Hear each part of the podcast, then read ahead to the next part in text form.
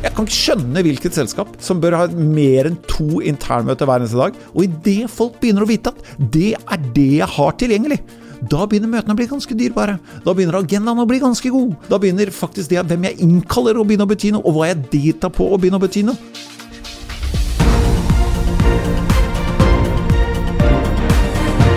Dette er All In med Oslo Business Forum.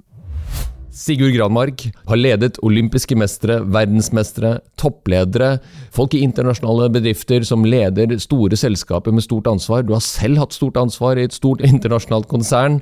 Du har ledet unge folk, du har vært trener og mentor for eh, voksne og folk i overgangsfaser. Du er i et lite selskap som driver med ledertrening nå, hvor en av de mest vriene ansatte som du også må lede, er eh, undertegnede.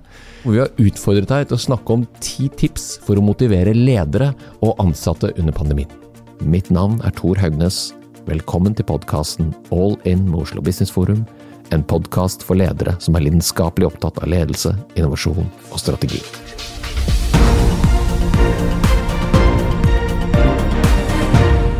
Det er jo bare å sette i gang. Jeg vet du har ti tips. Jeg gleder meg til å høre. Første tips vi har snakket om, det er hvordan man motiverer hvordan vil du ta tak i det? Sånn, sånn bakteppe, da. Eh, hvis vi sier at vi skal motivere folk, som om det ikke er tips én, så vil jeg i hvert fall si at jeg tror mange ledere er for lite opptatt med å forstå hva som motiverer den, den enkelte medarbeider. Og så er jeg ganske sikker på, i hvert fall personlig, at eh, folk blander seg for mye borti hva som motiverer folk. Du har jo sagt til meg at det første man må ta tak i, er situasjonsbeskrivelsen altså sin egen situasjon. Og både som leder og da som, eh, som, ansatt, så må man orientere seg hvor man er. Er det det du mener med det? Ja, ja eller to ting da. Går, før vi går til første tips, da. Det jeg mener med, med, at vi må forstå hva som motiverer folk, det er at folk er jo veldig opptatt av indre motivasjon. Og, og folk er opptatt av hva som er rett motivasjon. Det eneste jeg er opptatt av, er at det er din motivasjon.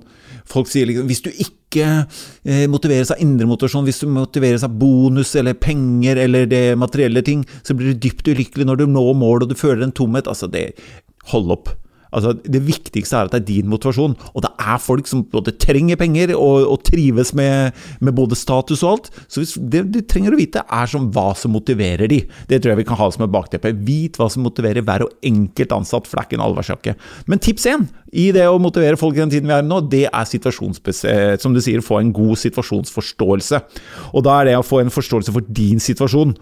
Og der er det tre områder. Det mener jeg det er selskapets ambisjon den enkeltes avdelingsposisjon og hver enkelts medarbeiders situasjon. Men akkurat der vi er nå, så er det jo ganske uoversiktlig å definere situasjon. Og ledere må jo også av og til da bli fristet til å mene noe om situasjonen man står i, også på vegne av de ansatte. Mm. Har du noen, noen eksempler eller tanker rundt det? Ja, altså det jeg mener, Før du begynner å mene det, så vær helt sikker på at du forstår ambisjonen til selskapet. Er, Står målene våre? Ta den runden og si den situasjonen vi er i nå, den avdelingen jeg leder, hvor, hvor står vi hen nå? Fordi eh, det er en del, Når du får en god oversikt over hvis du har ord som 'Norges beste', eller 'vi skal', eller 'raskest', 'størst', eh, 'best' Ok, greit, står dette her? Da er det det du har rekruttert folk inn på. Det er det den avtalen vi har gjort, det er disse målene vi skal nå. Står dette? Ja, greit. Det må du vite som leder. Og så må du vite den derre Er avdelingens Man har jo forskjellige avdelinger ikke sant, i selskaper. Er de rammet likt? få en forståelse av hvem har det tøft, hvem er eh, på riktig side og hvem er på feil side av korona, og hvordan er det for de å jobbe hjemme, f.eks. Og så til slutt få en oversikt over hvordan hver enkelt medarbeider har det. Jeg tror det er viktig å være eh, på medarbeidernivå på hvordan dette her er rammet til. Så det er liksom den forstå situasjonen din. Da.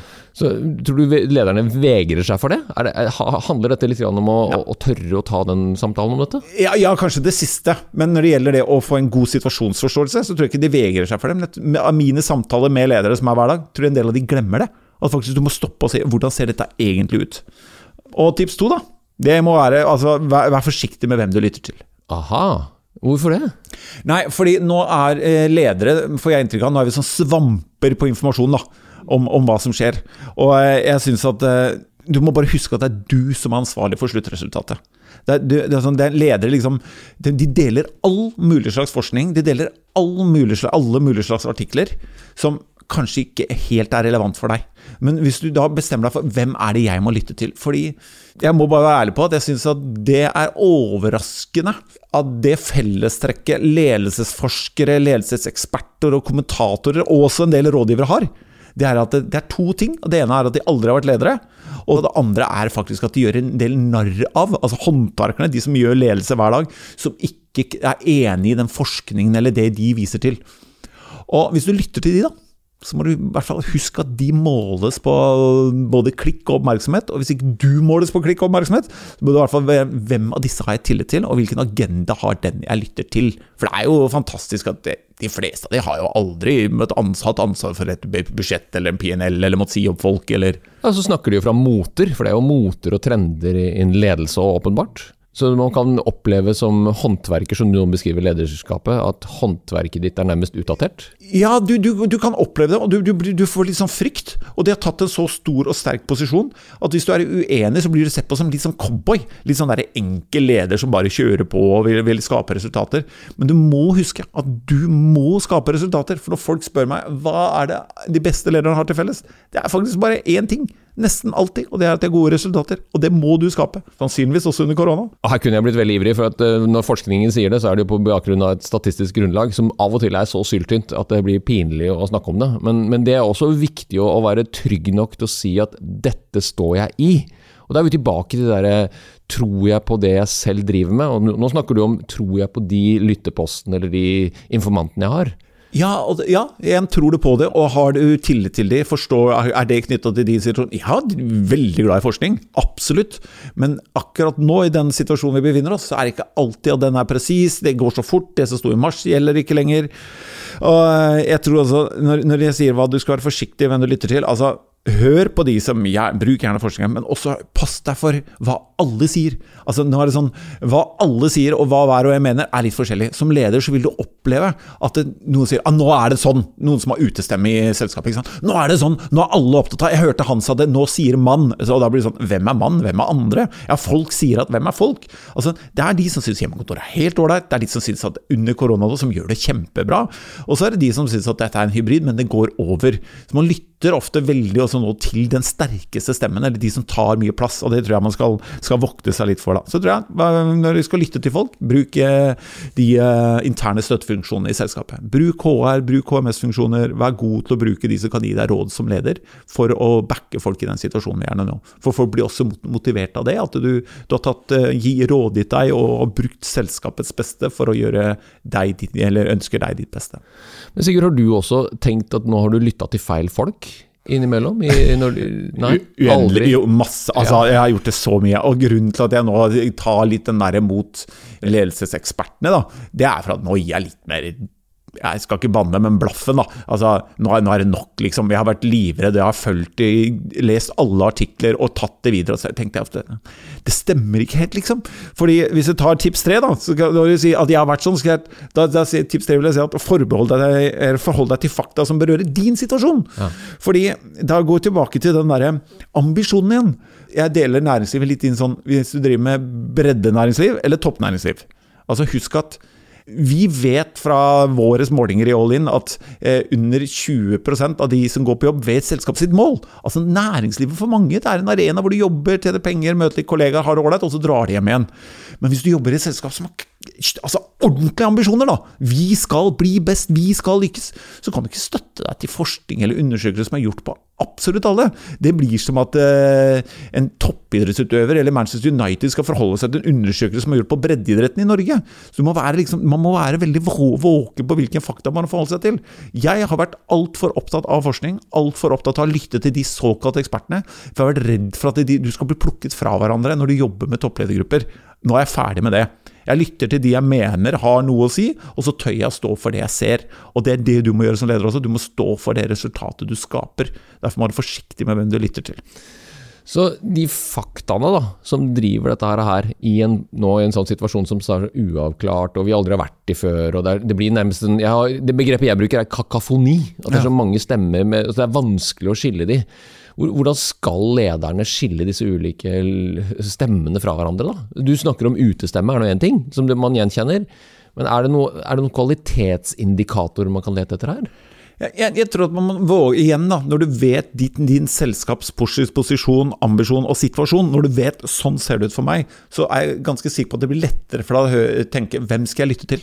Hvem er dette her relevant for for meg? Da går det egentlig rett inn i den eh, tips fire, og det er å ikke være redd for å sette mål. Ikke være redd for å sette krav og mål. Fordi en del ledere nå er litt sånn redde for å pushe, de er redde for å sette tydelige krav. Men lytt til de som faktisk har råd eller forskning eller støtte eller kan noe om de målene du skal nå. For det er jo det som er relevant. Altså, de, Hvordan kan du bruke det andre kan gi deg informasjon for å nå dine mål? Og jeg ser en del ledere og snakker med en del som liksom er litt sånn redde for å pushe nå, da. Redde for å sette tydelige krav. Men jeg er ganske overbevist på at det er klokt, da. Du har jo jobbet med mange som har slitt med dette med, eller strevd med målsetting, og jobbet sikkert med, med, mål og krav på dine egne skuldre også, som folk har hatt forventninger til deg. Har du, noen, har du en eksempel, en historie til meg om det, hvor denne målsettingen er vanskelig? Ja, altså, En målsetting er egentlig alltid vanskelig. Ja. Det du uh, kan se, det er at uh, idet du gir folk tydelige mål, da, du gir folk en forventning, at noen forventer noe av deg Så Det som umiddelbart skjer, det er at du, du har mer altså Forskningen viser at dopamin, som man trodde man fikk belønning for før, mm. når du nådde et mål, den får du nå med en gang hjernen merker at du jobber mot noe som betyr noe for deg. Et eller annet mål, et eller annet krav. Så du vil oppleve en større mening umiddelbart. Men altså, historien er jo altså, jeg, kan bare gi at historien vi gjør, at 10% vet selskapet eh, sitt mål, under 15% vet sitt personlige mål av de undersøkelsene vi gjør, og under 20% vet sitt mål. Tenk deg det! Og så tror vi at kunstig intelligens og digitalisering og alt mulig sånn er liksom angriper oss. Problemet er det, det, liksom det lederhåndverket og det konstante som alltid har vært der. Altså Før korona, folk sitter til og fra de store byene i kø hver eneste dag uten anelse hvorfor de sitter der. Det er jo problemet. Og det kan man gjøre noe med nå med å sette tydelige krav og sette tydelige mål. Og eh, jeg tror også den der, å sørge for at når medarbeiderne starter dagen sin, da, at de vet hva disse målene er, at de bruker litt tid på det, tror jeg er kjempeviktig. Hver dag, Sigurd? Ja, ja, hver dag. Nå, I hvert fall under korona. da. Nei, ja, ja, under, Når folk har hjemmekontor. Hvis, hvis, du skal ha motiverte medarbeidere, som dette her handler om, så motiverte medarbeidere altså, må, Det handler om mot. da. Du må ha mot til å kreve. Og så er det jo motiv som er andre delen av ordet motivasjon. da. Altså, Hvorfor er jeg her? Hva skal jeg gjøre? Og hva asjon betyr, det vet jeg ikke, men det driter jeg i. Altså, mot og motiv. Du må, om morgenen, hvorfor er jeg her? Hva skal jeg skape? Og det gjør at det veldig mange forteller om, er at vi jobber mer, men vi opplever at vi skaper mindre. Produksjonen i Norge går sin gang, og det hadde vel en gjest der, han øh, Harald? Ja, Harald Magnus var det. Eh, som sier at eh, produksjonen i Norge Altså Norge er oppe over 90% av kapasiteten sin. Riktig. Men folk jobber jo. ikke sant? Vi ser at timene går, men de skaper det samme kanskje på flere timer. Så det å føle og oppleve at du, du, du skaper eh, noe hver eneste dag på jobben din, det kommer til å være viktig hvis du skal klare å holde de motiverte. Altså Et tips der også, det er den derre ros målrettet atferd, og ikke bare mål som oppnås. Fordi det er en del nå som trenger hjelp til å nå måla sine på lang sikt, men de atferden de har, er bra. Så hvis atferden er bra, så kommer resultatene. Så jeg tror ledere nå må tørre å rose også atferd, og selvfølgelig feire når vi når mål. Men det er litt vanskelig for medarbeideren hvis han bare får belønning når han når måla sine nå, for det kan ta lengre tid. Og så er det jo ikke nytt lenger, dette her. Nå har man jo prøvd å tenke seg at dette kommer til å gå over, og vi skal komme tilbake til etterpå. Men det at man nå ser atferd, det vil jeg tro. Men lederen kan kanskje trenge noe feedback på hvordan vedkommende blir oppfattet. Den derre rosen bør jo gå begge veier. Jeg tror det er en utfordring i lederrollen? At den tilbakemeldingen du får på hvordan du motiverer de andre, er annerledes? Ja, det tror jeg. Altså tror jeg at den derre ledere som går rundt og forventer å bli motivert av medarbeiderne, blir skuffa, da. Ja. ja. jeg må bare si det. Og det, jeg, det må jeg bare være ærlig igjen, da. At den der gjør lederen din god, og, og liksom skryt av lederen din. Altså, folk er uh, opptatt av seg selv og har, uh, har en klar forventning at i en leder-medarbeider-relasjon så er det lederen som skal motivere. Jeg mener at hvis lederen ikke demotiverer, så er han bedre enn snittet. Altfor mange ledere bare de demotiverer de ansatte. De går i veien. altså Bare hold deg unna, la meg gjøre jobben min. Da er du snittet. Og hvis du da kan gå på jobb for å legge til rette så de lykkes. Jeg tror en leder bør jobbe heller med å finne en indre motivasjon og en glede Eller indre, drit i indre, men finne motivasjon og glede i at de klarer å motivere de andre. At du gjør de bedre, det tror jeg er det viktigste du kan ta med deg. Altså, også, og Noen ganger får du et klapp på skulderen, men det er litt sånn lodd du har som leder, at de medarbeiderne det er ikke noe rød løper og hornmusikk for at du kommer på jobb. Altså. Og Det har jeg tenkt på mange ganger. Altså. Jeg har sett en del ledere i min yrkesgjerning, og jeg har også vært konsulent i mange år. Så jeg har sett mange forskjellige organisasjoner hvordan de sliter med det der hvor lederen åpenbart trenger bekreftelse for at jeg er leder. Og jeg har lurt på det så mange ganger. Hva i all verdens land og rike er dette? kommer jo aldri til å gå bra. Det er bare et tidsspørsmål før du kommer til å gå på den bokstavelige veggen da, som er blitt hekta opp der. For du klarer det ikke lenger. Rett og slett fordi du blander deg i altfor mye mm. som du ikke egentlig har kunnskap om, og som du heller ikke kan lede andre til å gjennomføre. Og det er jo, det er jo et sånt paradoks i ledelse. For du skal jo lede folk men du skal samtidig ikke blande deg for mye med jobben de gjør. Nei, det, det er jo kunsten, da. At du må sette krav til medarbeidere. Igjen til disse målene vi snakket om. At led, led, medarbeiderne har jo to jobber. Det er å gjøre jobben sin og utvikle jobben sin. Og du snakker jo om intraprenørskap og entreprenørskap. Og intraprenørskap er jo når selskapet utvikles innenfra, nye ideer og sånt som kommer. Og de er ledere altså, du, igjen, sette, Når du setter tydelige mål, kortsiktige, langsiktige mål, så er det jo medarbeiderne sin jobb å si hva den trenger. Da må man ha ressurser til det. Og medarbeidere blir motivert av å inkluderes på hvordan de skal utvikle. Så lederes jobb er egentlig veldig mye, bare mye mer å utvikle og utfordre enn faktisk det å motivere. Motivasjon er veldig ofte konsekvensen av det andre du gjør. Altså det å drive og, Spesielt nå under korona, å drive og kave rundt og sende blomster og sende lunsjer og sende gaver på døra og bare prøve å skryte det fungerer ikke over tid. Altså. Det er den der, Du klarer ikke å klappe det i mål, nei. Du må utvikle det så de får lyst til å komme i mål. Det blir jo da, Neste tips har jo da veldig konkret eh, ambisjon om hvordan man kan gjøre dette i praksis. Fortell. Nei, altså Tips fem er å eh, etablere en digital møtekultur. Altså, det, det, Hvis vi tar det helt spesifikt hjemmekontor, da, som mange er opptatt nå, og noen nesten brekker seg altså De er så lei av å høre om det og være på det. Men da mener jeg at mye av problemet er faktisk ikke det at de er hjemme, det er bare at de er så utrolig lei av å se inn i neseborene til de de har møter med. Så sånn, det å lage en, etablere en digital møtekultur, det har jeg kjempetro på. Og hva er det? For eksempel, tips én eh, under, under det igjen, det er eh, noe jeg har praktisert med en del toppledere, og som fungerer som juling. og jeg, jeg i hvert fall nå under, når vi har hjemmekontor, det er å sette et maksimalt antall på internmøter en medarbeider og ledere har lov til å ha i løpet av en uke. Et maksantall? Ja. ja. Og jeg mener ti. Ja. ja. Jeg kan ikke skjønne hvilket selskap som bør ha mer enn to internmøter hver eneste dag. Og hvis du har brukt opp møtene dine på onsdag, så får du ikke gå i internmøter torsdag og fredag. Og idet folk begynner å vite at det er det jeg har tilgjengelig, da begynner møtene å bli ganske dyrebare. Da begynner agendaen å bli ganske god. Da begynner faktisk det hvem jeg innkaller å begynne å bety noe, og hva jeg deltar på å begynne å bety noe. Fordi det vi ser, er at internmøtene går opp, ekstremt opp, og om en proporsjonalt er kundemøtene. Mm. For jeg har egentlig ikke vært sånn tidligere veldig tilhenger av hvor mange kundemøter vi skal ha sånn, men nå under den perioden vi har nå, så tror jeg vi må sette krav til faktisk det å få FaceTime, altså tid med kunder. Det tror jeg er kjempeviktig. Og så da, er det jo hvordan vi gjør disse møtene. da. Og du vil innføre kvoter, og hvordan vi gjennomfører det. Spennende. Ja, definitivt kvoter. Ja, men hvordan skal vi gjennomføre det da? Jeg mener at alle møter må ha en agenda. Mm. Det, altså, du skal kunne velge å delta hvis agendaen ikke er relevant for deg. Så da må du i hvert fall gå en runde. Hvorfor skal jeg være her? For folk bare kaller inn, og folk bare klikker seg inn. Ok, da må jeg vel sitte her. Eh, og så møtene, jeg, jeg mener at møtene skal være så korte som mulig, men så lange som kreves. Og som vi hører når vi snakker med medarbeidere rundt omkring nå, er at en del medarbeidere har en litt sånn dårlig, nesten en sånn dårlig selvtillit etter møter. For de føler ikke at de slapp til helt. De føler de kanskje burde sagt mer.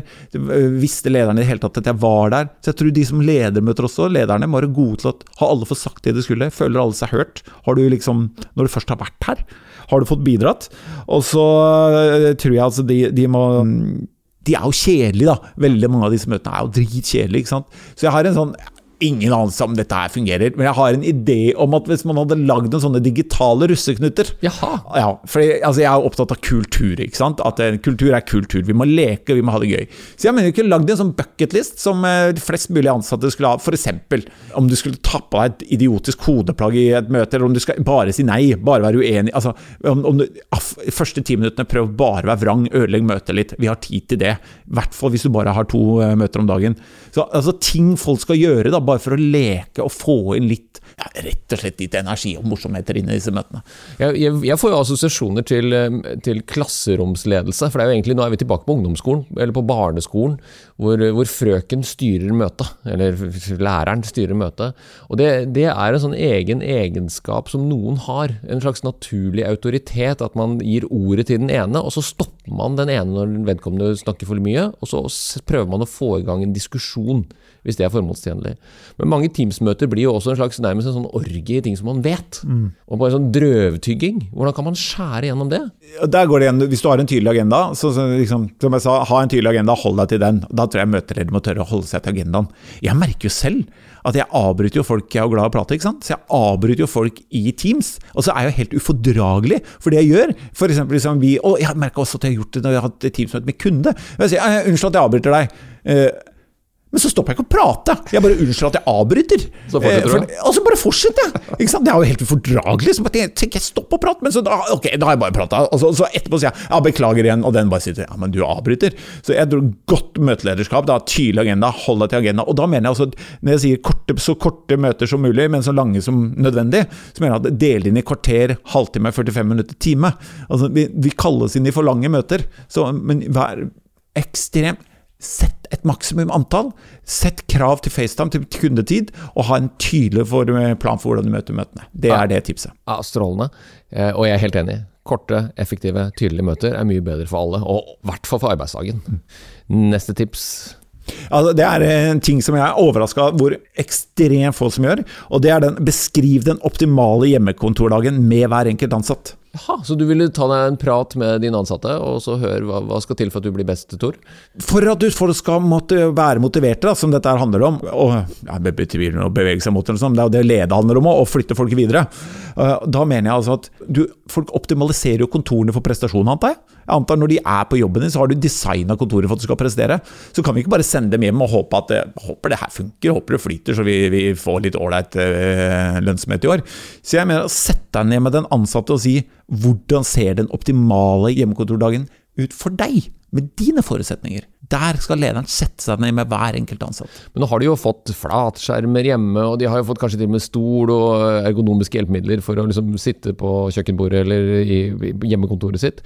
Men du mener altså at lederens rolle bør også handle om å ta den personlige klare, organiseringen av dagen og uka og, for å produsere best mulig? Gjør, gjør, ikke ledere dette, Sigurd? Altså, du kan gi dem så mye ergonomiske stoler og skjermer som er rette, og bua og høyhev og senk og alt. Altså, det er ikke det som kommer til å avgjøre om du lykkes på hjemmekontor. Altså. Det er greit, det, det, det er så i Storbritannia så sa 6% på badet. Det er klart det er dumt. Men jeg antar at du har en god stol hjemme òg. Jeg antar at det, liksom, dette her skal vi få til. Men det er fint hvis det er der. Men jeg mener mer sånn rigga for prestasjon, da. Se, gjøre deg i stand til å prestere. For det er jo faktisk det det handler om. Altså, å gi de alle mulige fine PC-er og sånn, hvis, hvis, du tror det. Men det er ingen som har solgt mer eller prestert veldig mye bedre om det står 17 eller 19 tommer, sånn, tror jeg, da. Eh, du skal se godt alt dette, men jeg mener at jeg har mange tips her, så jeg tror ikke vi skal ta alle. Men vi kan kanskje dele de på en eller annen nettside eller et eller annet sånt hvis vi ønsker det etterpå. Men du må i hvert fall legge, regge, legge, til rette for at den dagen Jeg kan ta bare sånn rable gjennom dem, hvis du vil det. Gjør det. Eh, stå opp uthvilt eller åtte timer med søvn. Folk, vi ser at folk rapporterer for endrede søvnvaner. Folk sover dårligere. Ole Petter Gjelle, hjerneforskeren, hadde den i vår, eh, min egen podkast, hvor han sier at sover du kort, så lever du kortere, og vi, vi må sove. Stå opp uthvilt, eh, og, og når du da Skift til koronaantrekk. Altså Hjernen trenger å si at 'nå går jeg på jobb'. Altså eh, Koronakontoret ditt. Ta på deg tøy, så du sier fra til hjernen at 'nå skal jeg på jobb'. Og så mener jeg også at Jobb i maks 90 minutters sykluser. Vær så snill, ikke bare sitt og bank inn.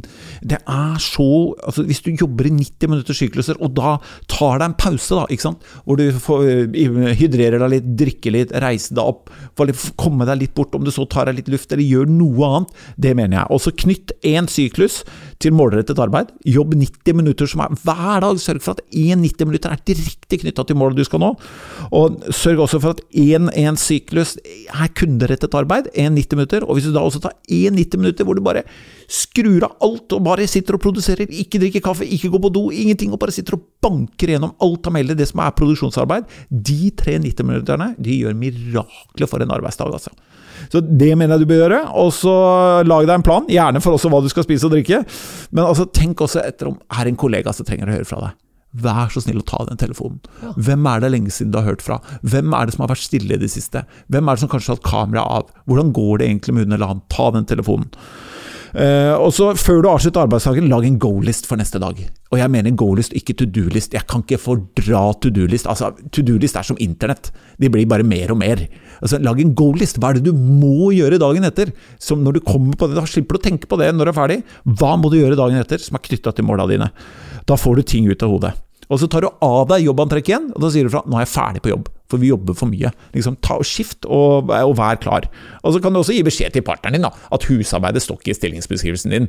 For Det er, liksom, det er noen partnere som forventer at du er hjemme, så du kan jo ta oppvaskmaskin og, og vaskemaskin. Og så er det en del faktisk som jeg har snakket med, som har dårlig samvittighet for at de ikke har tid til å gjøre mer hjemme når de har hjemmekontor. Ja. Men, men, du skal ikke det, det er ikke meninga. Hvis du har hjemmekontor, du er ikke hjemmeværende. Ikke det er jo to forskjellige ting i mitt hode. Så helt til slutt, når du har gjort dette her som leder, hvis du da avslutter med å spørre medarbeideren din er det noe, gitt situasjonen vi står i med, med covid-19, som hindrer deg i å prestere på en god måte nå? Hvis svaret er ja, så må du gå tilbake igjen til tegnebrettet. Hvis svaret er nei, så er du i mål, og da er det bare å følge opp den optimale kontordagen. Det er tips seks. Jeg må legge til, for vi er jo i en situasjon hvor den grensen mellom privatlivet privatliv og, jobblivet jobbliv også er litt sånn vanskelig å se. Bare, det har ikke bare med antrekk å gjøre, men det er også tilstanden vi er i. Så det er jo mange som, som har rapportert, i hvert fall. Og nå er, jeg, nå er jeg på tynn grunn, for nå er det liksom alle sier at. Det er folk med psykiske problemer der ute, sier de, eller rapporterer i hvert fall økende utfordringer med ensomhet, og at man ikke får lov til å være sammen med venner. og Er det et eller annet med at vi ikke helt ser grensen mellom jobb og privatliv og det vi er vant til sosialt, som også er en stor utfordring? Vi, vi, og vi, vi skylder på at det er situasjonen og pandemien og hjemmekontor, men i virkeligheten er det det vi alle står i. Jeg tror det er helt riktig, da.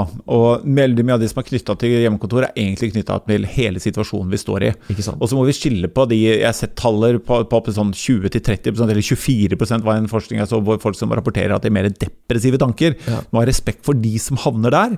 Og så må vi skille på faktisk de som har det, og de som syns at ting er litt tungt. For det er faktisk greit, som, eh, når du leder folk, at folk, det er lov at ansatte syns det er litt tungt i perioder. Det er, det er, du trenger ikke å blande deg bort hele tiden, alt den gjør. og drive og rydde opp. De må få lov, lov, til både å stå i det, men du må skille på de som du virkelig virker som sliter, og de som syns at hele situasjonen nå er litt, er litt kjip. Da, og, og, det er lov, det.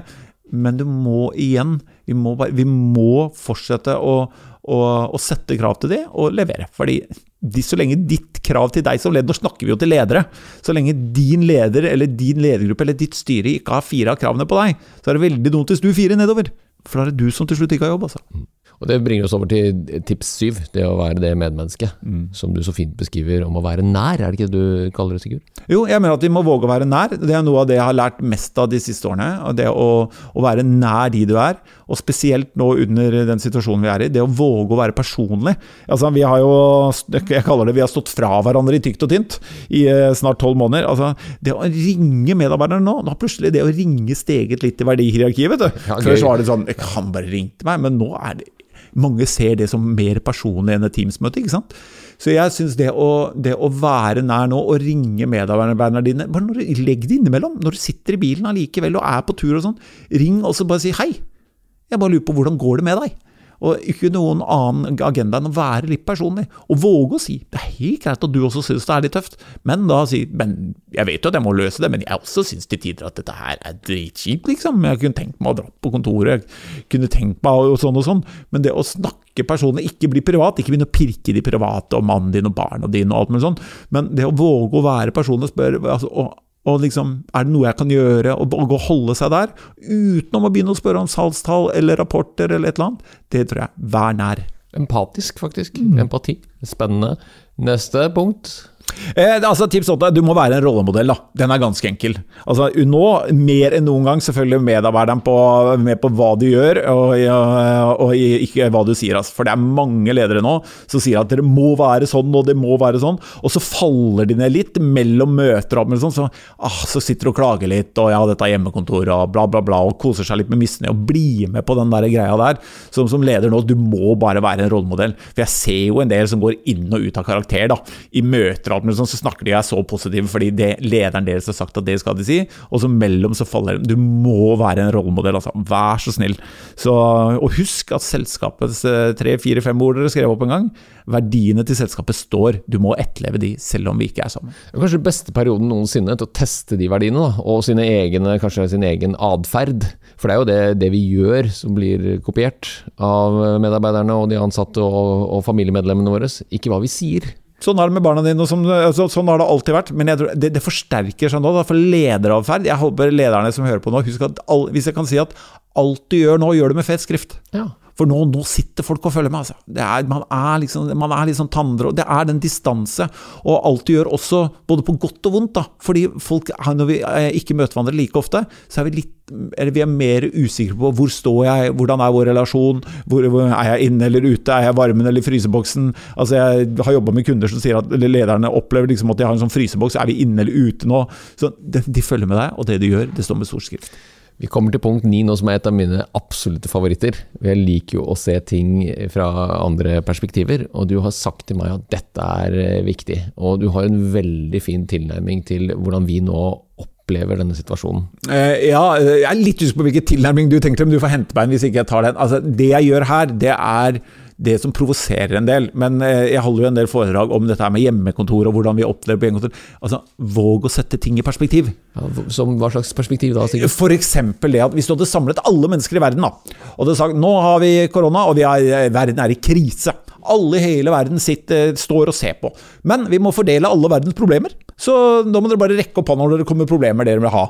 Og så sier de ja, vi har et land, det heter Norge. Det er verdens rikeste land på World Happiness Report i 2020. Husk det, vi var nummer fem. Vi har ikke gått ned, ikke gått opp. Vi sier at vi er like lykkelige.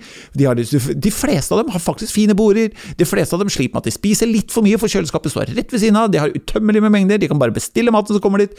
Men, men Og de har kjempebra støtteordninger. Alt er helt supert. Men her har vi en gjeng som må være på hjemmekontor. Noen av dem har kanskje en litt liten PC, kanskje de ikke er helt fornøyd med stolen sin, for de har ikke fått den stolen. Hvem vil ha de problemene? Jeg tror hele verden hadde rekt opp hånda. Vi tar den. Vi drar til Norge. Det er kaldt der. Ja, det går fint, for vi fyrer. Altså, Man må våge å se ting at det er faktisk noen som har det tøft, men det er faktisk ikke de på hjemmekontor som har det tøffest. Det er folk som verken har hjem eller kontor, også i Norge. Det er gründere, og det er folk som har fått livsgrunnlaget sitt økonomisk bare vaska ut. De har satset alt, og det er bransjer som ligger brakke. Så jeg blir litt Jeg blir litt provosert når det er synd på det, liksom. Vi kan vise forståelse, men vi må ikke bli sånn at ah, deg, liksom. Du må sitte på hjemmekontor. For det er knytta mye mer til hele forståelsen. Norge går så det griner. Det er 0,8% tror jeg. Det siste tallet jeg leste i økt arbeids, eh, arbeidsledighet. og rett og slett noen ganger må vi få større problemer enn hjemmekontor. Altså. Og vi har verdens beste sikkerhetsnett. Altså, vi har et velferdsstat som resten av verden misunner oss. Og det, det, glemmer vi jo. Så det å våge å sette ting i perspektiv, det handler jo om hva lederen også kommuniserer. Og det er jo tøft for mange bransjer, og tøft for mange individer. Men vi har mest sannsynligvis en to-tre år med midler som vi kan bruke. Vi skal ikke bruke de, for de vil være ødeleggende for oss, for norsk økonomi og for arbeidsplassene våre.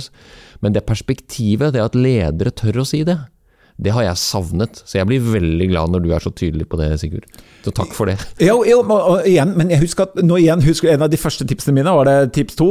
Eh, vær forsiktig med hvem du lytter til. Det kan godt hende jeg har feil der, men min praktiske erfaring er at hvis du hører nå på all forskning, da, så skal du ikke tørre å si det. Altså, igjen, bare, bare, bare igjen, der du står, du har ansvar for sluttresultatet. Altså, hvor lenge kan du sitte og, og, med medarbeiderne og marinere deg hvor fælt det er å sitte hjemme, da? Nå har vi jo snakket i, i, fem eller seks år om nødvendig omstilling. Nå skjer den omstillingen i veldig mange bransjer. Og så er det noen bransjer som kommer til å trenge tid etterpå for å enten gjenfinne seg selv, eller kanskje ikke lenger ha noe eksistensberettigelse. For det er, det, er, ikke noe kundegrunnlag der, eller noen støtteordninger som gjør at det er mulig å videreføre det. Og sånn er det med alle omstillinger. Så det perspektivtrening i omstilling, det er jo veldig vanskelig når man er usikker på hvem man også skal lytte til. Så jeg synes det er en veldig fin Det henger jo sammen med, med, hvilke signaler du velger å ta inn. Vi er på det siste tipset, Sigurd. Tips nummer ti. Ja, tips nummer ti det er et tips som jeg tror er vanskelig for ledere. Og vi merker det selv også, for man har jo lyst til å ha et svar. Men tips nummer ti er svar 'jeg vet ikke' oftere. Oi! Så ledere skal si at 'jeg har ikke peiling'? Ja. Ja, egentlig, Det er nesten bedre til, si- å si svar jeg vet i, i stedet for vet ikke, si 'jeg har ikke peiling'. Jeg er helt enig. Fordi eh, altså, ingen forventer at du har svar på, på ting som myndighetene ikke kan gi. Altså, Vi føler at vi må svare. Altså, det, Tenk deg den fella hele Norge gikk i når de eh, plutselig oppdaget, oppdaget at covid-19 gir blaffen i den julianske kalender. Altså, Vi har levd på en sånn bløff for de ansatte at bare vent nå, neste år, kom oss inn til nyttårsaften, og vi kommer tilbake etter nyttår. det driter jo i nyttår! Vi har jo ingen anelse! Ikke sant? Så når du skal prøve å gi svar på altså Når Espen Nakstad og, og Stoltenberg ikke har svaret, så er det ingen som forventer at du skal gi det. Ikke gi det! Og hvis du tror du vet bedre enn myndighetene, så hold kjeft, i hvert fall. Fordi du vet ikke det, men da kan du i hvert fall leve i den narsissismen selv, eller det egoet ditt, men ikke, ikke si det til de ansatte. Og så blir det litt sånn derre Når er markedet tilbake? Ja. Ikke sant? Det hadde vært fint om du visste det. Mm. Men det er en del ledere som later som det. Jeg tror kanskje påske, altså. Påske, da, da bør en begynne. Du er ikke sikker er på Hvilken påske? 2022? Kanskje det er mer altså, Vi vet ikke. Hvordan muterer det? Hva skjer? Og, og samme er det sånn Du gir sånne gestimater. Altså, når vi vil vaksinen vil gi effekt? Mm, vet ikke. Altså, kanskje noen eh, klokinger som i januar sa at det, det er nok bra, det. altså det, eh, Rett etter påske, da var det Å ja, AstraZeneca leverer bare 60 det, ah, nei, nei, nå er jeg litt mer us. Så du blir bondefanga på løftene du gir hele tiden. da.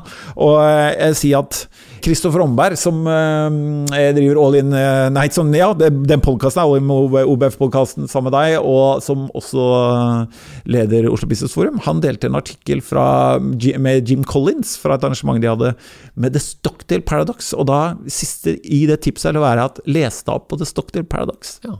Fordi at Jeg hadde lest denne boken for lenge siden, men Kristoffer delte og da skjønte jeg at det er dette her det handler om, når de sier at eh, har ikke peiling, som du sa. Fordi James Stockton, admiral James Stockton, han er en av de høyest dekorerte offiserene i USA. Og han er den som satt lengst i fangenskap på det som man kalte Hanoi Hilton under Vietnamkrigen, og kom ut levende. Og da spurte de han eh, hva gjorde at du holdt ut? Hva gjorde at du kom deg gjennom åtte år? Og så sa han forskjellen på meg og en del av de som røyk, det er at optimistene røyk først. Så det handler om å tenke riktig, ikke bare tenke positivt. Fordi han sa de som sa at 'jeg er ute til jul', altså korona er ferdig til jul, da. Eller de er, jeg, 'nå skal jeg holde ut til påske', korona er borte til påske. 'Jeg skal holde ut til sommeren'. Han sa de gikk først, for de blei så skuffa. Så det det handler om nå, det er faktisk å holde ut og å gjøre ting riktig. Det han sa, eneste han visste, han skulle ta en dag av gangen. Han skulle gjøre maksimalt ut av hver dag, men han skulle ut.